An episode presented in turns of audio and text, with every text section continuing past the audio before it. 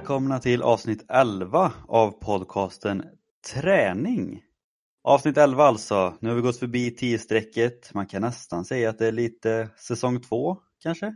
Ja, vi kanske ska kalla det säsong 2. Säsong 2. Välkomna till säsong 2 utav podden Träning. Det går fort. Säsong 2 redan. Det är som vilken Netflix-serie som helst. Ja.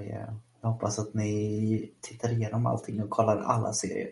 Yes. Som sagt, förra avsnittet, avsnitt 10. Hoppas ni lyssnat på det. Hoppas att ni tyckte att det var ett intressant avsnitt. Det var väldigt kul att spela in. Vi tog upp lite frågor från er. Ja, det var ju faktiskt enbart frågor. Eh, och det var som vi sa, vi gillar ju verkligen det. Vi önskar att vi kan få in flera sådana avsnitt skulle jag säga egentligen, där vi bara svarar på frågor. Ja men det som säger, det är ju riktigt kul och att vi involverar dem och det blir ju som sagt att vi gör den här podden för er och att ni då får ställa frågor så vi kommer med svar på i, ja, det bästa egentligen. Ja, och är det så att du känner att det är lite småläskigt och eller tänker så här att nej, det där kan jag inte ställa. Tänk så här, inga frågor är liksom för dumma eller fel att ställa utan generellt sett så är det inte bara du som tänker på den frågan som du ställer utan det är bra frågor, allting som man kommer på och vi tar gärna upp dem. Och många frågor är ju intressanta för oss också. Alltså många frågor kanske inte vi har koll på utan vi måste ta till oss ny forskning om eller ny kunskap om och det är ju väldigt kul för oss också. Så att oavsett vilken nivå på frågorna så ställ bara så försöker vi hitta ett bra svar på dem. Ja men faktiskt och det är, liksom, det är väl lite det vi för in på oss idag kan jag väl tänka med dagens avsnitt. Det är ju saker som vi kanske har jobbat och tänkt på lite med innan men det blev ju väldigt roligt att kunna få lyfta upp det igen liksom och få in en ny syn på det. Och som du sa med forskning, liksom att man dubbelkollar lite forskning och man liksom hajar till lite. Jaha, var det så här det var? Ja, som du nämnde det också med dagens avsnitt så är det faktiskt lite, lite olika delar som vi har fått från eh, en lyssnare som eh, kommer med lite tips. Vi plockar ihop så det blir lite liten, man kan ju inte säga att det blir en gott och blandat för det hör ändå ihop med varandra men lite gott och blandat kanske man kan säga. Mm, det stämmer.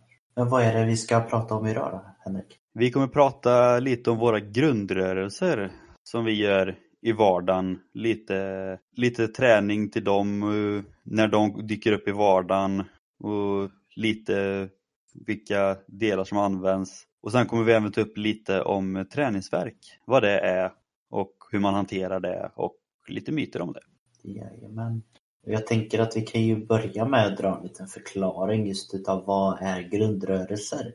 Det var ju någonting för mig till exempel som inte jag faktiskt hörde eh, förrän man började läsa lite just om vad träning var. Det kanske var där på när vi gick massageutbildningen eh, delen i skolan där Henrik som jag hörde det första gången. Det var väl kanske på just den massagekursen som man fick höra ganska mycket om just kroppen och liksom hur den fungerar. Tidigare kurser så läste vi liksom mycket om vad, vad, som, ja men, vad som fanns i kroppen och mycket om liksom, träning och sånt men det var ju på massagekursen som vi främst pratade liksom mycket om just rörelseapparaten, hur musklerna arbetar, hur de sitter och hur kroppen funkar som helhet. Så att, jag kan hålla med då att det var nog då som man hörde det först. Ja, men faktiskt lite. Och här har vi varit lite delade och även haft lite svårt att hitta liksom, vad, vad ska vi säga är grundrörelser. För går man runt och kollar runt väldigt mycket då pratas det om de fyra grundrörelserna, de fem grundrörelserna, de sju grundrörelserna, tio grundrörelser. Det, är så här, det beror lite på vart du pratar och vilken skola eh, du kommer ifrån kan jag tänka mig, vad man kallar det, grundrörelser. Men vi har väl kanske ändå så enats nu lite om att det är fem grundrörelser. Plus att jag väldigt, väldigt gärna vill lägga till en till så då hade det ju varit sex. Men fem grundrörelser kan vi.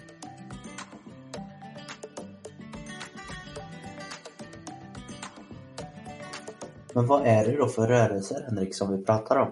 De fem då som vi har plockat fram är gå, press, drag, böj och lyft. Ja, och det här grundrörelse, om man drar generellt sett så är det, en grundrörelse är någonting som kroppen är liksom skapt för att göra. Det är någonting som du inte tänker på att du gör. Men sträcker du efter något, plockar upp något, gör egentligen vad som helst, då gör du någon av de här grundrörelserna. Ja, och som sagt då, det här är något som jag tror de flesta gör varje dag, flera gånger, utan att egentligen tänka på det. Så om vi kanske börjar med den första här, gå i vissa skolor så är det även med springa. Och det kan jag förstå att man har delat upp det lite kanske. För kollar man generellt sett på hur muskelaktiveringen blir så blir det ju rätt så annorlunda genom att gå lugnt och springa. Eh, så jag förstår det, men i grund och botten är det liksom att vi tar oss framåt och går. Ja, vi har väl inte jättemycket att säga här egentligen utan det är ju en ganska självklar grej. De flesta går nog ganska mycket per dag och det är inte jättemycket konstigt så sätt. Nej, det enda som egentligen kan väl vara värt att tänka på här det är ju nu ännu mer, vi nämnde det lite eh, innan faktiskt här, skillnaden mellan att jobba kanske i en jobba, plugga i en pandemi eller inte i en pandemi. Att redan där så blir kanske första punkten bara gå blir någonting som man inte alls gör lika mycket som i vanliga fall. Liksom. Jag vet ju bara själv när jag gick i, ja, innan, innan coronan då på universitetet, då gick jag ju en kilometer till skolan och en kilometer hem igen. Det var ju två kilometer bara där man gick. Nu tar man, vad kan det vara, fem meter från sängen till datorn liksom. Det, det blir inte riktigt lika mycket gå så sätt, utan då får man lägga till det som träning sen istället. Ja, och ska man tänka lite på men hur kanske man ska tänka nu, nu då, när inte allting är riktigt som samma. Det kanske jag skulle säga är, hör ihop lite mer med, vad ska man säga, vanor eller liksom att du ska bara göra det. Ett exempel som jag har jobbat med de dagar jag jobbar hemifrån är att jag försöker efterlikna en dag så mycket som möjligt. Så är det på morgonen, då går jag ändå så ut och går på morgonen som om jag skulle gå till bussen eller gå till jobbet. Liksom. Att jag får den lilla vakna till-grejen. Och sen när det är lunch så kan jag också kanske tänka mig att gå lite som om jag hade liksom gått och ätit, ätit ute eller gått liksom lite på jobbet. Att man, man försöker få in de här lilla bensträckartiderna lite mer liksom hemma. Jag tror det är, vikt, det är nästan viktigare just nu när man sitter hemma än vad det är i vanliga fall. Eller de som sitter mycket på kontor så är det ju samma sak där men det blir ju mycket när man sitter framför datan så behöver man fler små pauser än om man kanske har ett mer fysiskt arbete. Så att gå ut och ta en kort promenad eller som du sa, alltså bara resa sig upp två minuter och stretcha lite eller göra lite knäböj eller vad som helst egentligen bara för att hålla igång kroppen för man blir jävligt seg framför datorn. Ja, faktiskt. Jag tänker att det skulle kunna vara en liten rolig grej som vi kan skicka med er. Att man skickar med sig en liten, vad ska man säga, datatidsrörelser. Att vi sätter ihop några rörelser som vi lägger under eh, våran Instagram, träning podcast, där vi lägger ut ett par rörelser som du skulle kunna göra när du sitter länge framför datorn och bara vill liksom få lite rörelse i det. Det tycker jag absolut vi får fixa. Och så kan vi koppla det till alla liksom grundrörelser, att du ser till att göra gå, pressa, drag, böj och lyft eh, under en kort, kort stund. Men det för oss vidare från gå så går det in till press då, eller pressa eller putta. Eh, och det gör vi också faktiskt rätt mycket i vardagen. Ja men det blir ju väldigt mycket, kanske inte jätteofta man lyfter så mycket tungt över huvudet men det vet ni väl själva, alltså bara man är i köket kan det ju liksom vara att man ska ställa in disken i ett skåp eller man ska ställa upp varor i något skåp eller liknande eller så ska man lyfta upp eh, ett barn eller mm. liknande. Att, ja, det, eh, det, är ju liksom aktivt men det är som du säger, det kanske inte är det som man tänker på ett gym, att man ligger så pressar en tung vikt. Eh, och det är för många ingenting som riktigt behövs utan bara det här med att sträcka armarna över huvudet. Tror det eller ej, och jag kan nästan utmana fler av er som lyssnar att sträcker ni upp armarna ovanför huvudet och ni tänker efter, känns det stelt? Känns det tungt?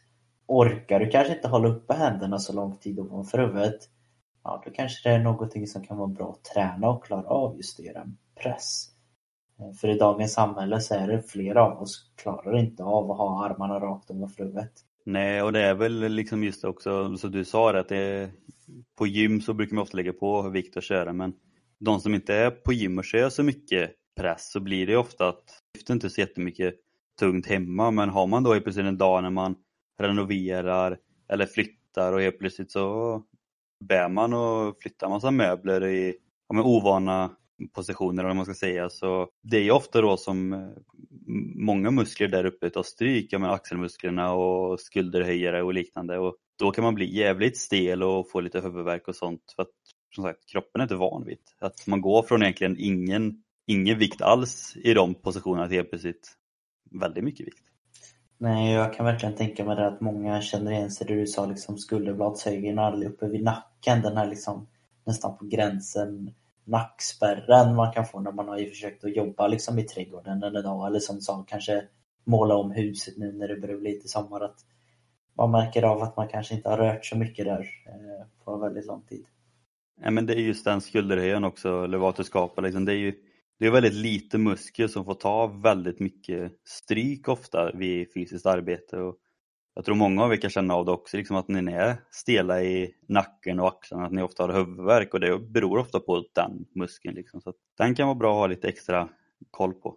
Ja, och något som kan vara värt att nämna där skulle jag säga om man går in lite mer djupare just på den här smärtan och liksom eh, stressen kring liksom baksida nacke kan nästan ibland liksom komma upp och bli som en liten dunkande huvudvärk. Det kanske inte riktigt är att de musklerna inte är aktiverade utan det kan nästan vara att de är lite för aktiverade, att de ligger liksom spända hela tiden. Och det beror ju oftast på stress, att man är liksom lite stressad, att man drar upp axlarna, man kanske skjuter fram huvudet nu lite extra när man kollar på en skärm. Att man liksom sitter med dem spända liksom lätt, lätt, lätt hela tiden men att man inte liksom slappnar av i dem. Så jag skulle nästan våga säga att det är nästan lika viktigt att ha koll på vad en pressrörelse är så att du kan även slappna av från en pressrörelse, kanske framförallt då kring axlarna. Ja, det är likadant också i det här kalla landet som vi lever i så ganska lång vinter och man fryser ganska mycket och det är samma sak där. Då hamnar man ju liksom med axlarna uppe vid öronen ganska ofta bara för att man fryser och då blir de också väldigt spända och det är det som du säger. Det, är nog viktigt att kunna slappna av där för att det är väldigt många små muskler som får jobba väldigt hårt. Ja, det skulle jag hålla med och Tänker man just med avslappningen, då hör det också oftast ihop med våran tredje grundrörelse som är, säg ett drag eller en form av rodd. Och det kan man ju då säga är rena motsatsen emot press. Om du tänker att du sträcker ut armarna rakt framför dig och det blir som en putt, då blir det en press. Och sen när du drar tillbaka armarna ut med kroppen, då blir det som ett drag. Eh, vilket är också någonting som vi gör en del liksom i vardagen. Det kan bara vara att vi lyfter upp saker ifrån marken så drar vi oftast en roddrörelse.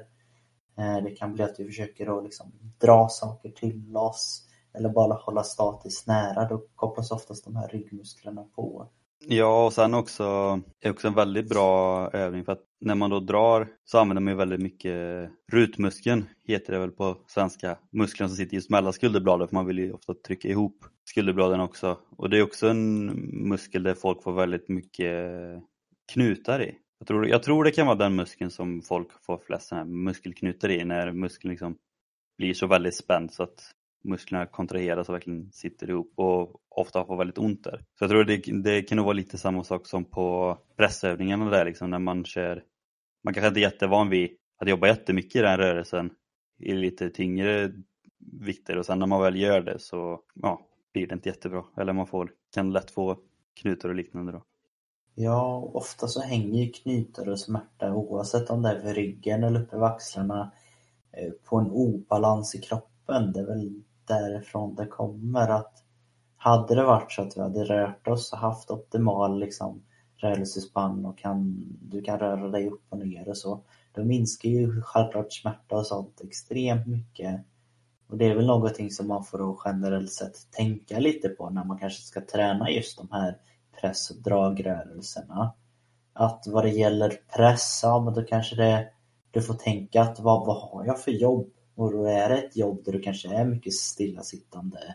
Du är mycket framåtlutad redan nu eh, och du känner liksom att hela du har liksom nästan eh, en puckelrygg eller hur man ska lägga det. Då kanske det inte är optimalt att träna press utan då kanske man får träna lite mer dragrörelser för att försöka liksom räta upp.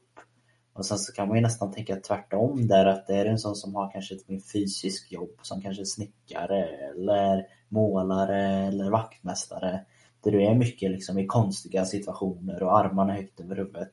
Ja, då kanske det är tvärtom där och det kanske är mer drag som är nyttigt för dig för att liksom orka dra bak axlarna och, och liksom inte överbelasta eh, framsidan eller hur man ska ligga det. Jag tror det är viktigt också det som du sa just med balansen mellan musklerna om man ska säga att ofta när man gör en viss övning så är det ju lätt att man överkompenserar med ena sidan för man känner sig starkare där. Men det är så viktigt att hitta balansen att man jobbar som en enhet, eller vad man ska säga, om du förstår vad jag menar.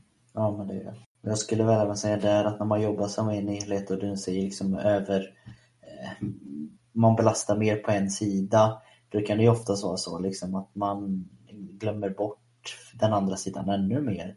Och man bara, ah, men det gör väl inget, jag är högerhänt så jag ska vara starkare. Men liksom se till att bägge sidorna i så fall får jobba lika mycket för att den är med mycket och liksom hjälper till.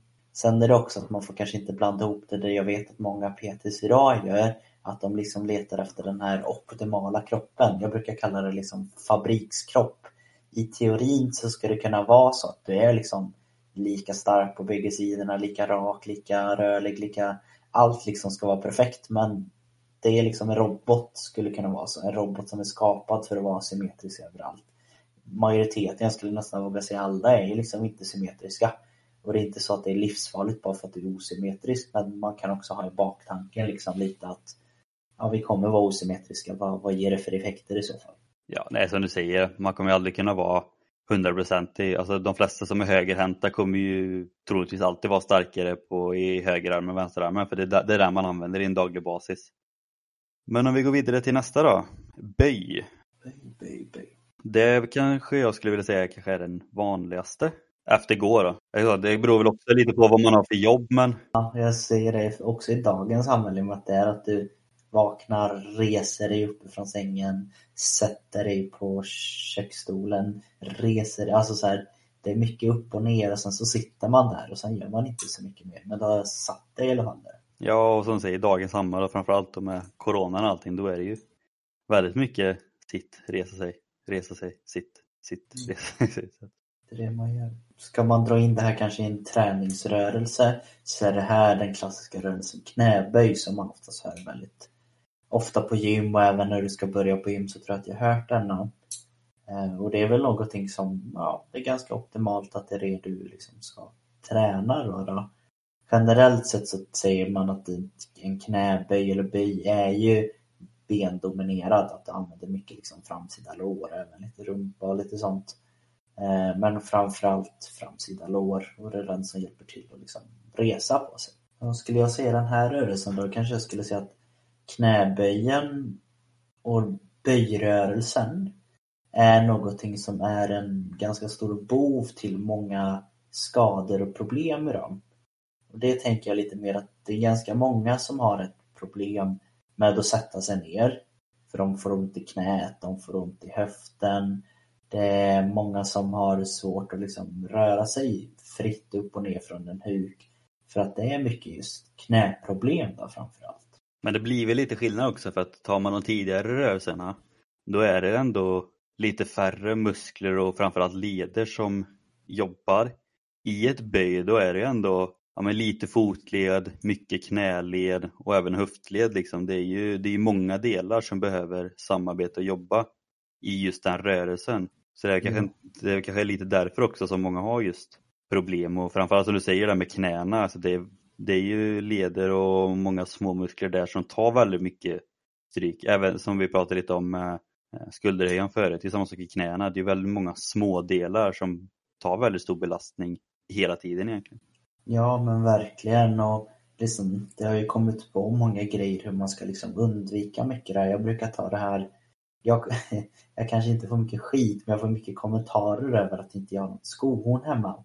Men tar man det som ett exempel, då är det här liksom att bara det här att många går inte ner på huk och knyter sin sko längre för att varför ska jag göra det när jag har ett skohorn liksom? Det var ingenting som man kanske tänkte på när man var yngre. Då slängde man sig ner i knät skon och gick vidare. Men helt plötsligt när man är gammal ska det vara en förutsättning att Nej, men du ska ha skohorn, jag orkar inte böja på mig.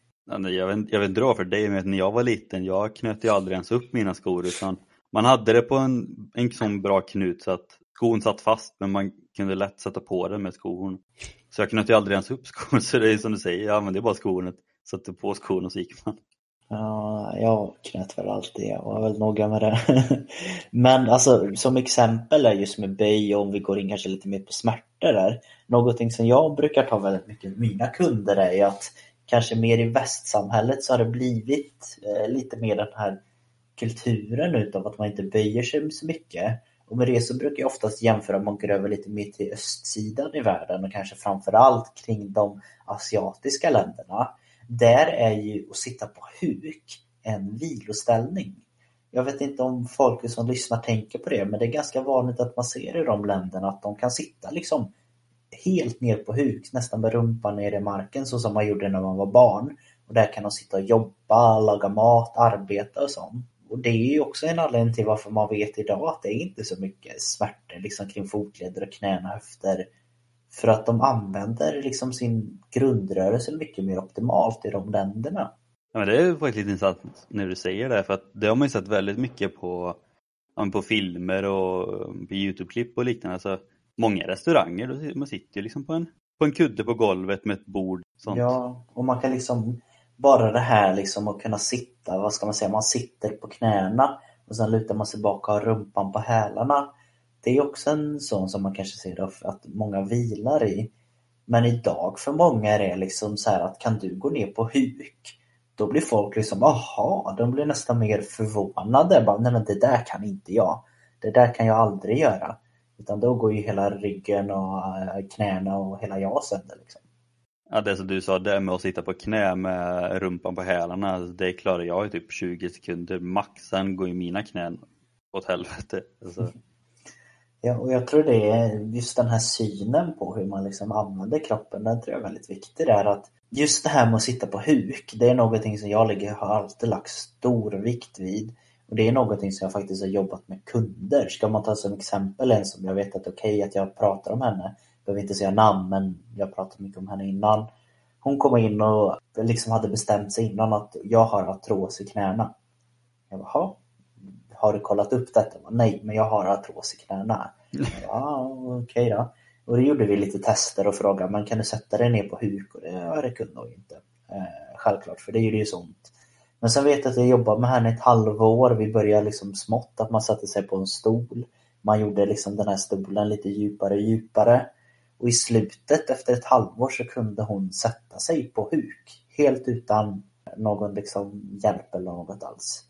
Och självklart så la vi mycket fokus på mycket annat. Både liksom eh, jobba mycket med ischias och även bindvävnad. Men man behöver inte gå in på det utan i grund och botten så var det att jag sa till henne att varje dag så ska du på något sätt försöka komma ner och sitta i huk. Och det gjorde hon. Hon fick den här lilla liksom, i slutet hade hon som en vana i sitt liv att när hon borstade tänderna så satt hon ner på huk. Och det här gjorde hon enbart för att det skulle vara optimalt för att hennes knän, liksom knäleder fick röra på sig. Hon fick inte lika ont i knäna. Och sen så var en av hennes mål att hon hade precis blivit liksom mormor och hon ville kunna leka med sina barnbarn. Och det kunde hon efter att hon bara lärde sig sätta sig på huk. Jag tror att det ändå är väldigt många som inte tänker på det, eller kanske inte vet hur lätt kroppen anpassar sig utifrån det man gör. Som sagt, det kan kännas som en omöjlighet sagt, att bara sätta sig på huk men musklerna och kroppen vänjer sig ändå relativt fort om man gör det tillräckligt ofta. Och så är det egentligen med allting, det är samma sak. Alltså, folk brukar säga det när de går ut och springer att liksom, ja, men, eh, det gör ont eller det känns inte bra. Liksom. Men liksom, efter ett tag så alltså, kroppen vänjer sig ju. Kroppen anpassar sig lite som vi nämnde innan med den kompensationen också. Alltså, vilka rörelser man än gör, gör man den tillräckligt ofta och tillräckligt länge så kommer kroppen till slut att vänja sig och lära sig att jaha, det är så här du vill att vi ska göra, ja, men då gör vi så. Det finns ju en anledning till att vi är människor idag, liksom, eller man ska lägga att vi har blivit som att vi är väldigt duktiga på att anpassa oss. Ska man ta ett väldigt praktiskt exempel så är det stela jag som har varit stel hela livet. Började med yoga eh, minst en gång i veckan. Varje yogapass så satt vi minst i två minuter på huk. Nu kan jag sitta på huk utan problem. Men i början så var det liksom att jag klarade inte av det alls. Rörelseträning är alltid bra. Men går man vidare från böjen då till något som kanske också är väldigt vanligt och kanske något som är väldigt vanligt som många vet av att de gör inom parentes fel så är det ju lyft eller höftböj eller höftfällning beroende på vad man kallar det. Det här är nog den som jag kanske använde mest när jag jobbade som vaktmästare för några år sedan. För då var det väldigt mycket, man skulle flytta möbler och flytta lådor och flytta verktygs väskor och lådor och allting och då är det sagt att ner till backen och lyfta upp ett tungt objekt och ner på backen och lyfta upp nästa grej. Och ni som har småbarn kan också känna igen er det här just med att ner på golvet och lyfta upp ett barn och sätta ner och sen fram och plocka leksaker och... Ja, exakt. Och det är som sagt, det görs utav alla. Även om du inte har barn så är det liksom städningen, allting i hemmet så faller man ofta ner och gör en höftlyft då. Drar man det här till en grundrörelse i gymmet så är det kanske en form av marklyft eller en form av rakmark. Och skillnaden mellan det är att generellt sett i marklyft så böjer du lite mer på benen och på en rakmark så har du lite mer rakare knän, att du inte riktigt böjer på dem lika mycket.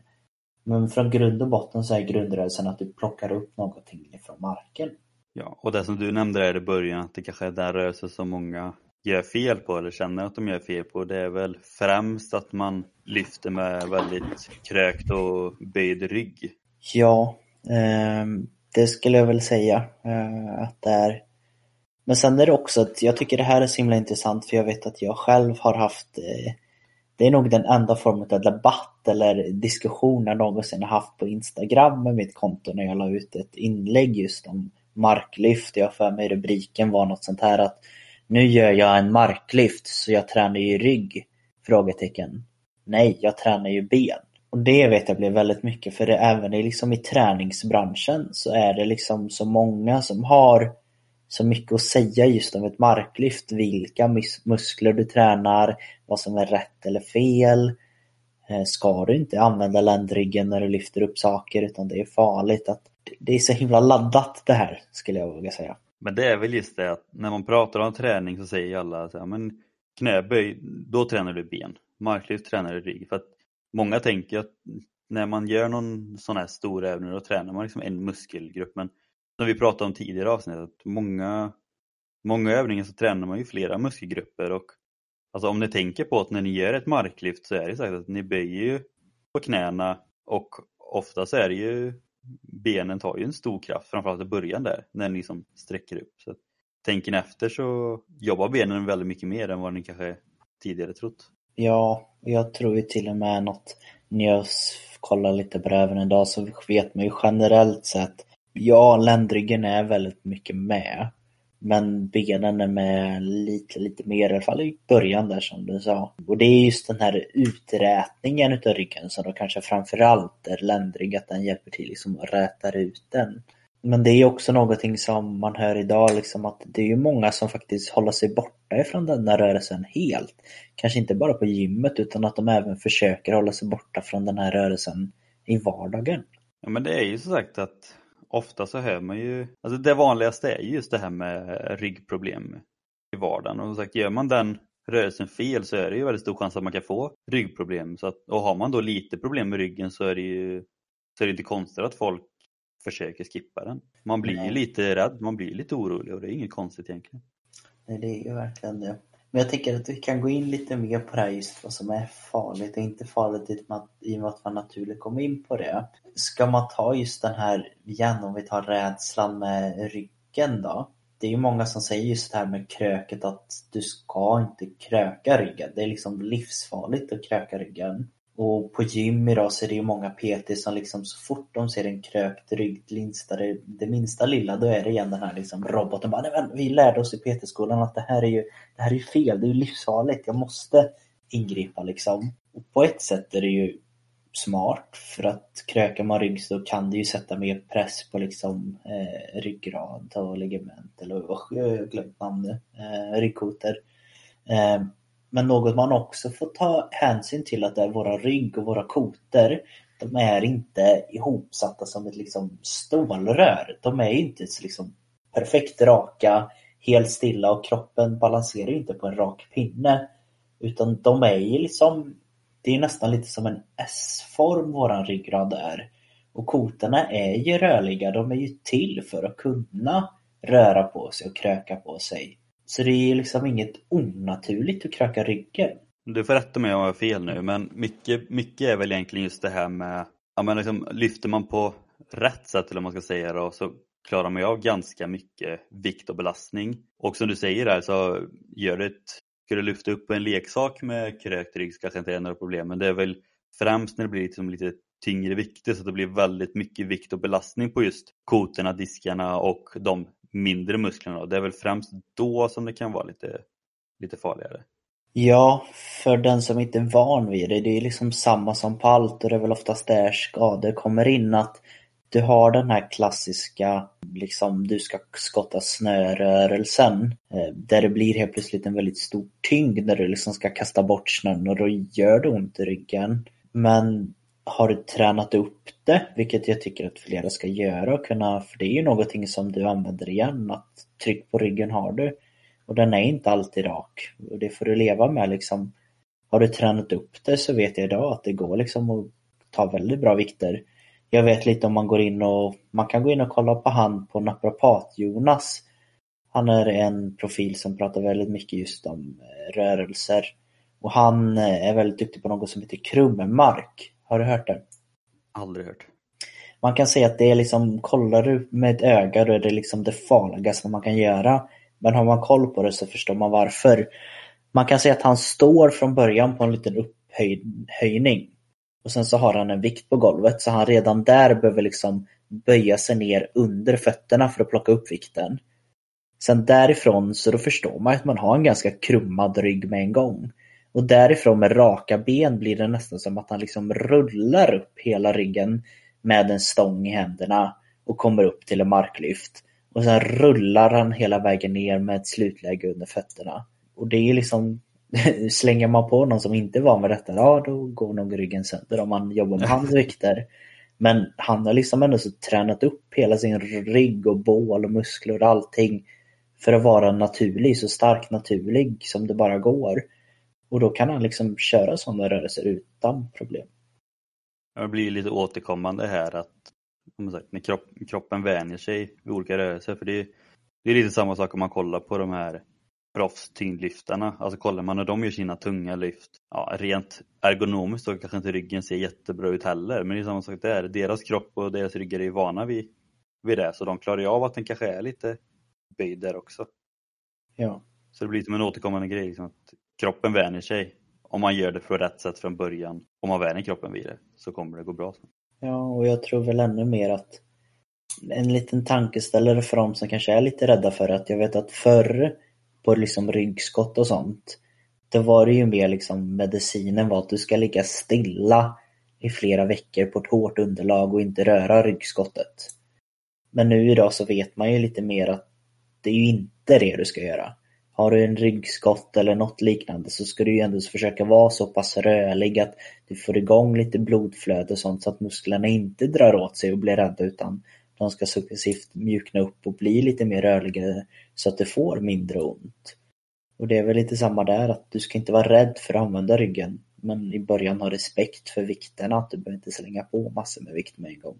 Men jag tänker på tal om rörelse som man håller sig borta ifrån så tänker jag att jag vill ändå prata med om den här lilla eh, sjätte rörelsen, och hur man ska lägga det. Och det är någonting som jag själv ger ut väldigt mycket. Jag tror även att jag har gett ut ett träningsprogram till dig.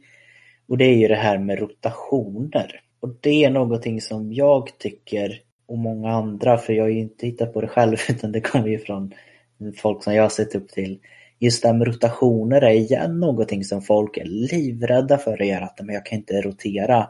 Om man går tillbaka igen till den här skott och snörörelsen, att du lutar dig framåt, du tar tag i snö, du liksom nästan roterar över koppen och slänger bort snön. Folk jämför det med ren livsvara liksom att göra detta.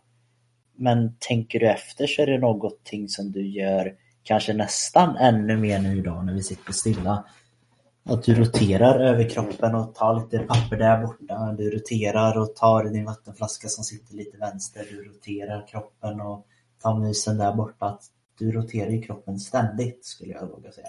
Jag tycker att det var väldigt bra det du sa, jag kommer inte ihåg om det var förra avsnittet utan det var två avsnitt sen. Men just det här med att när man pratar om just kåren och magmuskulaturen och liknande så att när folk tränar det då är det ju så att om det är plankan och situps de flesta gör. Jag skulle väl säga att det, det 90% kanske gör i första hand när det kommer till kårmuskulaturen men För då nämnde du också liksom det att ja, men, hur ofta, ja, men som i plankan, hur ofta kanske man är så statisk, liksom sit-ups, hur ofta gör man egentligen den, ja, men den ja, böjen eller vad man ska säga i magmuskulaturen jämfört med hur ofta vi gör den rotationen. Som sagt, skotta snö, ställa in en ICA-kasse i bilen, eller som du sa nu, plocka papper eller liknande. Alltså, det är ändå lite konstigt att det inte är vanligare att träna då mer sidomuskulaturen än som sagt typ plankan och situps som man har växt upp med.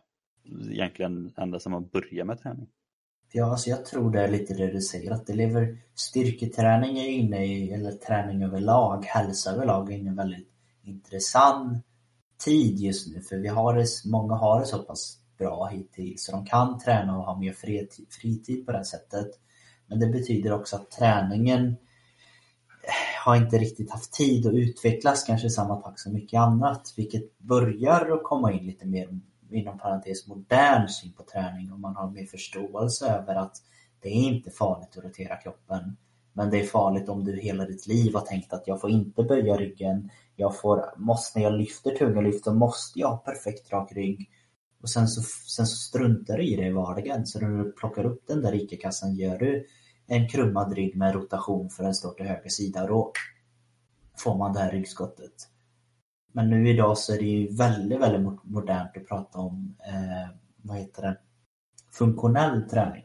Ja, alltså jag tycker att det är väldigt viktigt när man tränar att man, man gör träning som man liksom har nytta av i vardagen. Jag har ju aldrig varit ett fan av, eh, alltså jag vet att många är sådana personer som alltså vill bli rent starkare på gymmet och de kan, gå, de kan åka till gymmet eller gå till gymmet fem dagar i veckan och bara pumpa för att få större muskler och bli starkare. För att det, ja men mycket är liksom utseendemässigt men personligen så har jag, jag har aldrig varit någon fan av det. Jag vill alltid att det ska ge effekt på något sätt, att man har nytta av det på något sätt.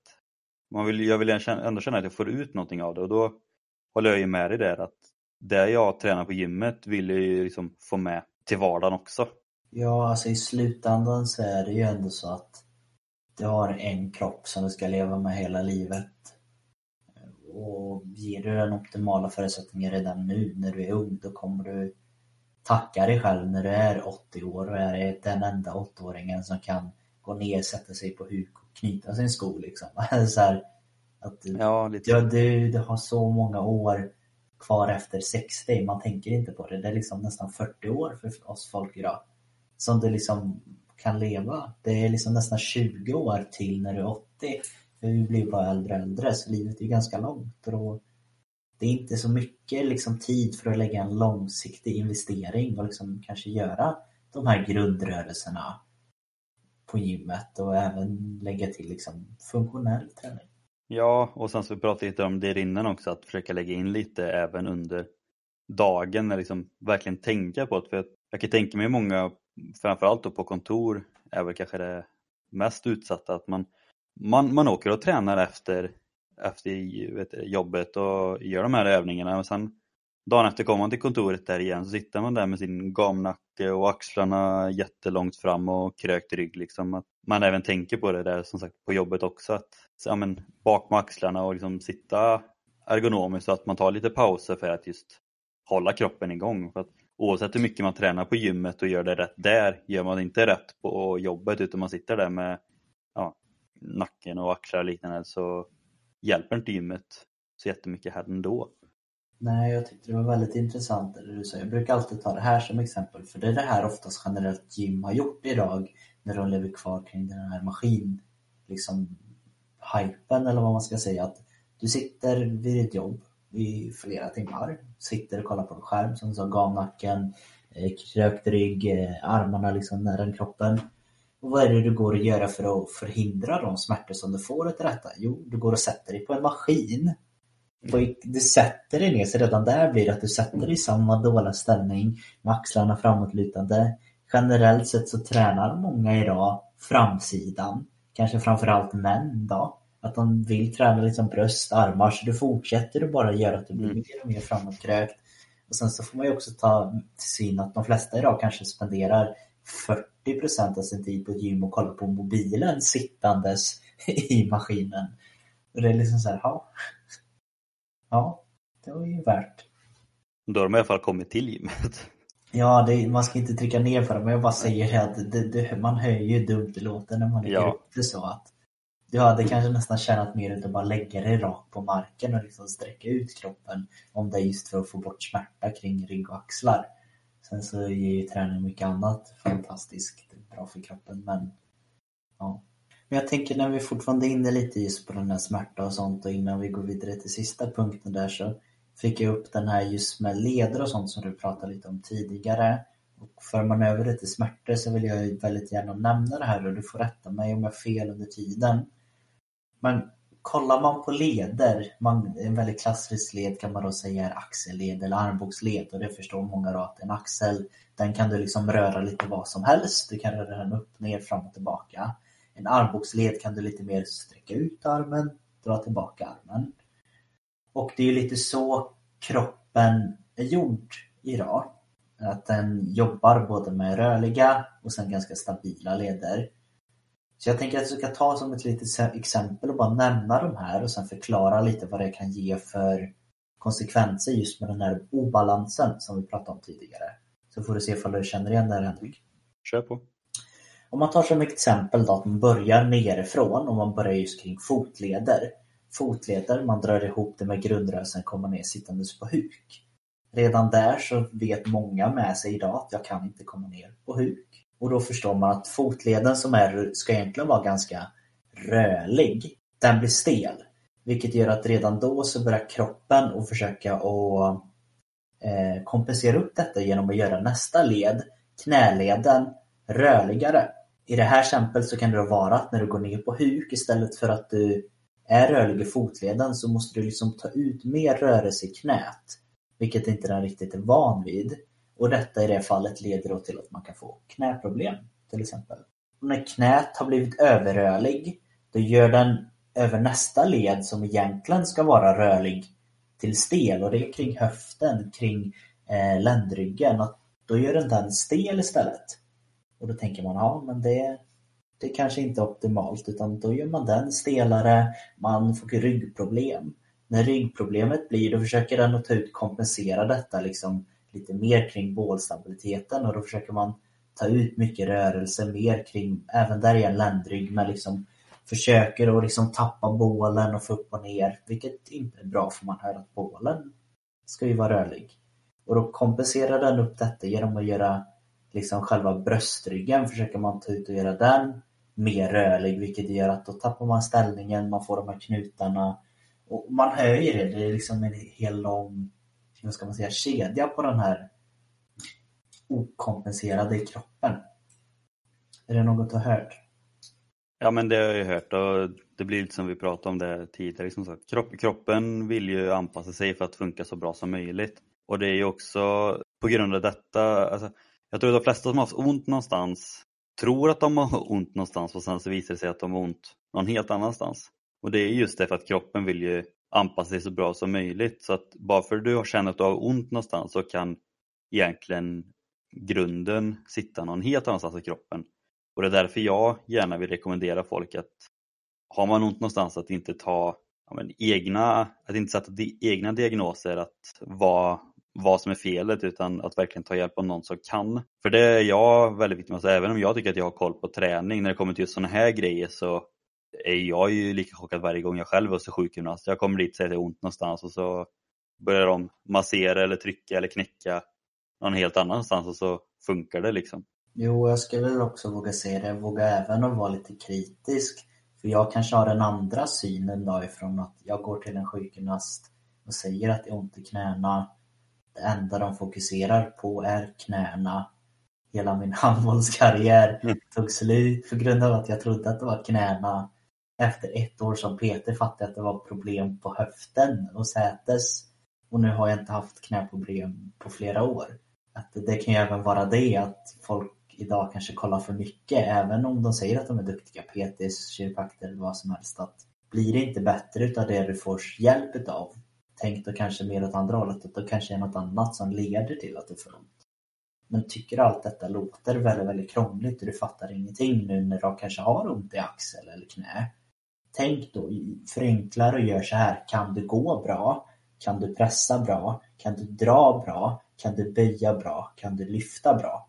Alltså kan du gå? Kan du sträcka upp armarna över huvudet? Kan du dra bak armarna så att du klämmer ihop skulderbladen? Kan du sätta dig ner på huk? Och kan du plocka upp någonting från golvet utan att det gör ont?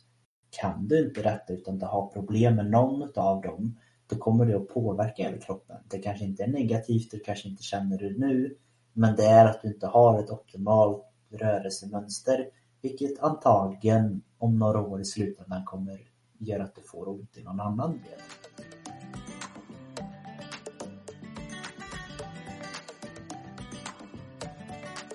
Efter all den här träningen så känner jag nästan redan nu att jag har fått lite träningsverk i kroppen. Eh, men då tänker jag att det för in oss väldigt bra till nästa punkt, lite just vad träningsverk är. Eh, jag tänker vi kanske kan prata lite, just börja med hur, hur hanterar vi träningsverk? Det beror ju helt på hur mycket träningsverk man har och vart det, vart det är. Är det bara lite lätt träningsverk så brukar jag ofta köra på en foam roller. Lite som, som jag pratade om innan. Självmassage, få igång blodflödet och syret. Har jag jävligt mycket träningsverk då blir det troligtvis soffan.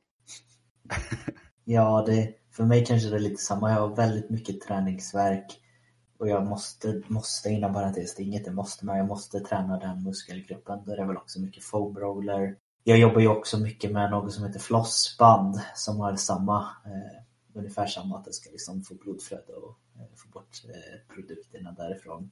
Men oftast är det också att jag vet ju av att jag kommer att få kanske träningsverk i bröst. Och då betyder det att inte jag ska fokusera på att träna bröst nästa pass utan då är det ben. Så jag försöker ju mer att jobba undan det lite kanske. Det är kanske det jag gör mest. Ja, jag tror att de, de flesta gör det att de liksom lägger upp schemat för att om man skulle få träningsverk i en musikgrupp så tränar man någon annan nästa gång. Liksom. Det måste jag vara ärlig med och säga att jag har ändå blivit lite chockad nu när man har kollat lite. Man har alltid tänkt att träningsverk det, det, har man ju liksom när kroppen bygger upp muskler. För att när vi tränar så bryter vi ner musklerna och när vi vilar så byggs de upp igen och det har jag alltid tänkt att träningsverk är i alla fall. Jag vet inte om du också trott det? Om du ja, hundra procent har jag nästan till och med kanske hävdat att forskningen ja. säger så här. ja, men lite så. Men, men nu när man har kollat runt till det här avsnittet, man vill ändå vara lite så här säker, bara, ja, men nu kan vi kolla vad forskningen säger liksom, så har vi ändå hittat att alltså det, finns, det finns knappt någon forskning om vad träningsverk är, eller liksom vad som händer. Vilket jag var helt mindblown av. Det kanske är mer så här att det kanske mer att det finns ingen riktig forskning om känslan för träningsverk, eller förstår du? Nej, ja, men det är liksom så här, var, ja, varför känner du verk? Det är, det är mer det som är väldigt splittad liksom, att det är många som, som har kommit på en hypotes och sen så tror de starkt på den men det är ingen riktigt som har kunnat motbevisa det 100% och sen har någon annan gjort en annan sak till 100% och ingen har kunnat motbevisa det heller riktigt bra liksom. Nej, Nej, för det, var någon, det finns ju någon teori liksom att träningsverken är ett fenomen som skapas i själva nervsystemet för att just hindra oss från att använda musklerna för snabbt igen. Vilket ändå låter vettigt. Liksom, det är ju så kroppen, kroppen hanterar saker och ting. Som att har vi ont så är det kroppen som säger nej, du ska inte använda den här eller du är skadad. Liksom. Så att jag tyckte att den teorin var väldigt väldigt klok och den låter ju trolig. Men som sagt, det finns liksom ingen riktig forskning som bevisar att så är det. Nej, det enda man vet är väl ändå så att någon form av träningsverk, alltså effekten, alltså vad det grundar sig i är ju ändå så det du nämnde där att musklerna har blivit lite nedbrytna. Det, det kan man väl ändå säga nu ganska säkert att det har liksom brutits ner vilket gör att det är på väg att musklerna vill bygga upp sig igen. Mm. Och det vet man ju är det vad som händer i kroppen men just den här varför det gör ont, det, det, det är mer det som vi är liksom, ja, det, det vet vi inte riktigt. Men det finns ju lite forskning om eh, träningsverk ändå och jag tänkte att vi skulle ta det till ett eh, litet segment, myter om eh, träningsverk. Mm. Så jag kommer ställa lite rubriker så får du eh, säga om du tror att de är sanna eller falska. Ska jag vara så här politiskt och aldrig säga ja eller nej? Eller ska jag våga säga ja eller nej? Ja, du får säga ja nej. Okay. Eller sant eller falskt. Okay, okay, okay, Första då. Träningsverk får jag bara om jag är otränad. Eh, Alltså om man är, eller ja, vi kan ställa om den. Ja, kan, kan vältränade också få träningsvärk kan man säga. vältränade kan få träningsvärk och det får inte bara om det är otränat. Utan alla kan få detta. Helt rätt. Även vältränade kan få träningsvärk om man tränar något som kroppen är ovan vid. Stretcha efter träningen så slipper du träningsvärk. Det var ju den vi hade med lite där förut och då sa jag ju väldigt tydligt att nej, det hjälper inte. Så det är det jag håller mig till. nej, det Du hjälper står inte. fast vid din åsikt. Det gör jag. Och du, ja, du har rätt ännu en gång. Du slipper inte träningsvärk för att du stretchar, men du kan känna dig rörligare och mjukare i musklerna. Mm. Eh, jag, om jag inte får någon träningsvärk så har jag tränat för dåligt. Det har du inte gjort. Korrekt ännu en gång. Och som sagt att just träningsvärk är ju främst om man tränar som musklerna är ovana vid. Liksom, tränar du någonting som du är van vid så du känner ju att musklerna blir trötta och du kanske inte får träningsvärk men det är ju för att ja, musklerna är vana vid. Ja, det, det är ju också så här, vad är dåligt? Det är kanske springer du och du är van vid det och du får inte träningsvärk i benen. Det kan ju fortfarande vara så att det fått jättebra effekter för hjärta och lungor liksom. Ja men precis. Det beror ju helt på vad man har för syfte med sin träning. Ja. Eh, Det finns inget sätt att förhindra att man får träningsvärk. Det är bara att stå ut. Eh, ja, det beror på. Alltså, jag hade ju sagt det finns ju sätt att förhindra för tränar du inte så får du inte träningsvärk. Men jag ska nog ändå så säga att det är nog falskt. För du kan, ja jag vet inte, jag känner mig väldigt stark. Men så är det falskt, om du gör något nytt som stressar dig och du inte är van vid, då borde du få träningsvärk. Men det kan vara från person till person. Liksom. Ja, ja men det är som sagt, det som sättet att, ja du har rätt, det är fast. Sättet att förhindra träningsvärk är ju egentligen om man då trappar upp det stegvis så att man, man, alltså att kroppen vänjer sig vid det. Återigen, träningsvärk får man när man gör något eller när det blir sån belastning som kroppen inte är van vid. Ja. Det är inte lönt att fortsätta träna om jag har fått träningsvärk. Då ger träningen ändå ingen effekt. Den är lite klurig. Det är för... Alltså jag hade sagt, jag hade sagt så här, den är väldigt svår för det beror på, kollar man det på en väldigt enkel syn då hade jag sagt att det är falskt för att du tränar ju. Men nördar man ner sig i det och det är så att du kanske har träningsverk hela tiden i, vi säger, hela kroppen, då kan det ju också vara en liksom, liten syn på att du nästan på väg att överträna dig. Att du inte vilar tillräckligt mycket. Eh, så jag vet inte riktigt vad jag ska svara på den. Jag kan väl ändå säga att ditt vet du, det, utlåtande eh, kan jag godkänna för att eh, det står liksom vid, vid mycket träningsverk så bör träning undvikas för då gör träningen trolig- troligen mer skada än nytta. Och det var ju typ det du sa. Medan om man har väldigt lätt träningsverk så är det klart att då kanske man kan träna. Ja, men alltså ska man gå in på den, vi, brukar alltid skämta om det, men alltså det är ju sant att jag minns inte sist jag inte hade värk eller träningsvärk i kroppen. Jag minns inte det, jag har ju ständigt haft det för det är liksom, även när jag har vilotid så har jag nu liksom, jag har vilat snart en vecka men jag har fortfarande träningsvärk i mina ben för jag ett tungt benpass innan liksom, jag tog lite vila. Mm. Det, Ja, men det, är väl, det är väl främst egentligen att har man riktigt rejäl träningsvärk i benen kanske man inte ska gå iväg och köra PB-ben Nej. liksom, utan då får man träna något annat. Börja aldrig träna kall, då får du lättare träningsverk. Mm. Alltså du får lättare träningsverk om du inte värmer upp. Falskt. Jag tror det kan kännas mer obehagligt men jag tror att det, det är inte träningsvärk. De känner inte till någon forskning på detta men de skulle tro att effekten av uppvärmning är liten. Ja, Men det- Jag kan säga att det kan säkert vara, har du träningsverk innan och du inte värmer upp, då kan nog träningsverken upplevas som lite mer för kroppen blir lite chockad. Eh, Så, så, så går min riktiga killgissningar nu då. Ja, men jag känner lite samma sak. Jag tror liksom att du, du får nog inte mer träningsverk för att du börjar träna kall. Däremot så skulle jag väl säga att glöm inte bort uppvärmningen oavsett. Nej. Nej, vi hade tagit den. Det var samma där, stretching. Då så. Det var det jag hade. Och det var rätt många eh, roliga segment faktiskt. Ja, men faktiskt. Det, det blir lite, man får med fakta på ett litet tävlings... Jag tror till och med att du hade alla rätt i jag. Yes, yes, yes, yes, yes. Eh, Men eh, och det var sista punkten där då från din del så börjar det väl närma sig det här lilla runda av då helt enkelt. Ja, men jag skulle väl tro det. Eh, Mycket idag skulle jag säga att det blev att vi kom in på många olika delar Kanske framförallt kring skador och rörelser där. Eh, men som vi säger varje gång, mycket intressant.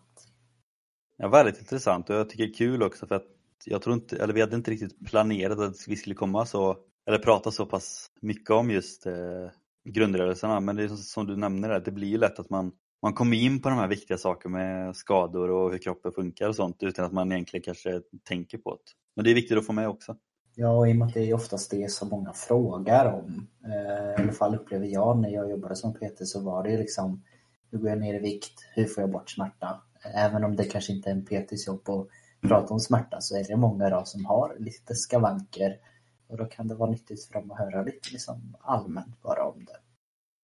Börjar oss runda av ännu mer denna gången då så är det väl som vanligt att vi uppmanar er att gå in och följa oss på alla podcastplattformar helt enkelt eller där du lyssnar. För lägger du en liten följning eller en prenumeration så får du ju upp den här lilla notisen att nu har eh, Sebastian och Henrik lagt upp ett nytt avsnitt på träning. Samt gå in och följa oss på Instagram, Traning Podcast.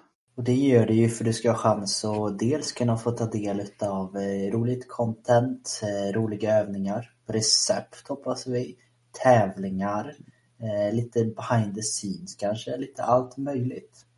Plus att du får vara med och bestämma lite vad som sker i podden. Jajamän. Och det är ju då träning podcast på Instagram. Yes. Och sen eh, sist så vill jag höja ett liten eh, intresse inför nästa avsnitt. För vi tror väl att det kommer en gäst nästa avsnitt. Ja, jag har kanske inte haft personlig kontakt med personen men jag hoppas ju att det ska bli av verkligen. Det är kanske du som har mer info kring detta. Ja, vi hoppas att det kommer en gäst nästa, nästa vecka i alla fall. Vår tredje gäst.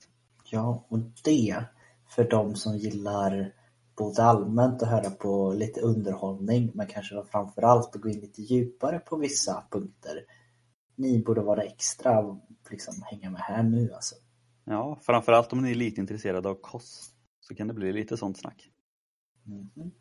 Med den tisen då så säger vi som vanligt att vi tackar för oss och vi önskar er alla en fortsatt trevlig dag.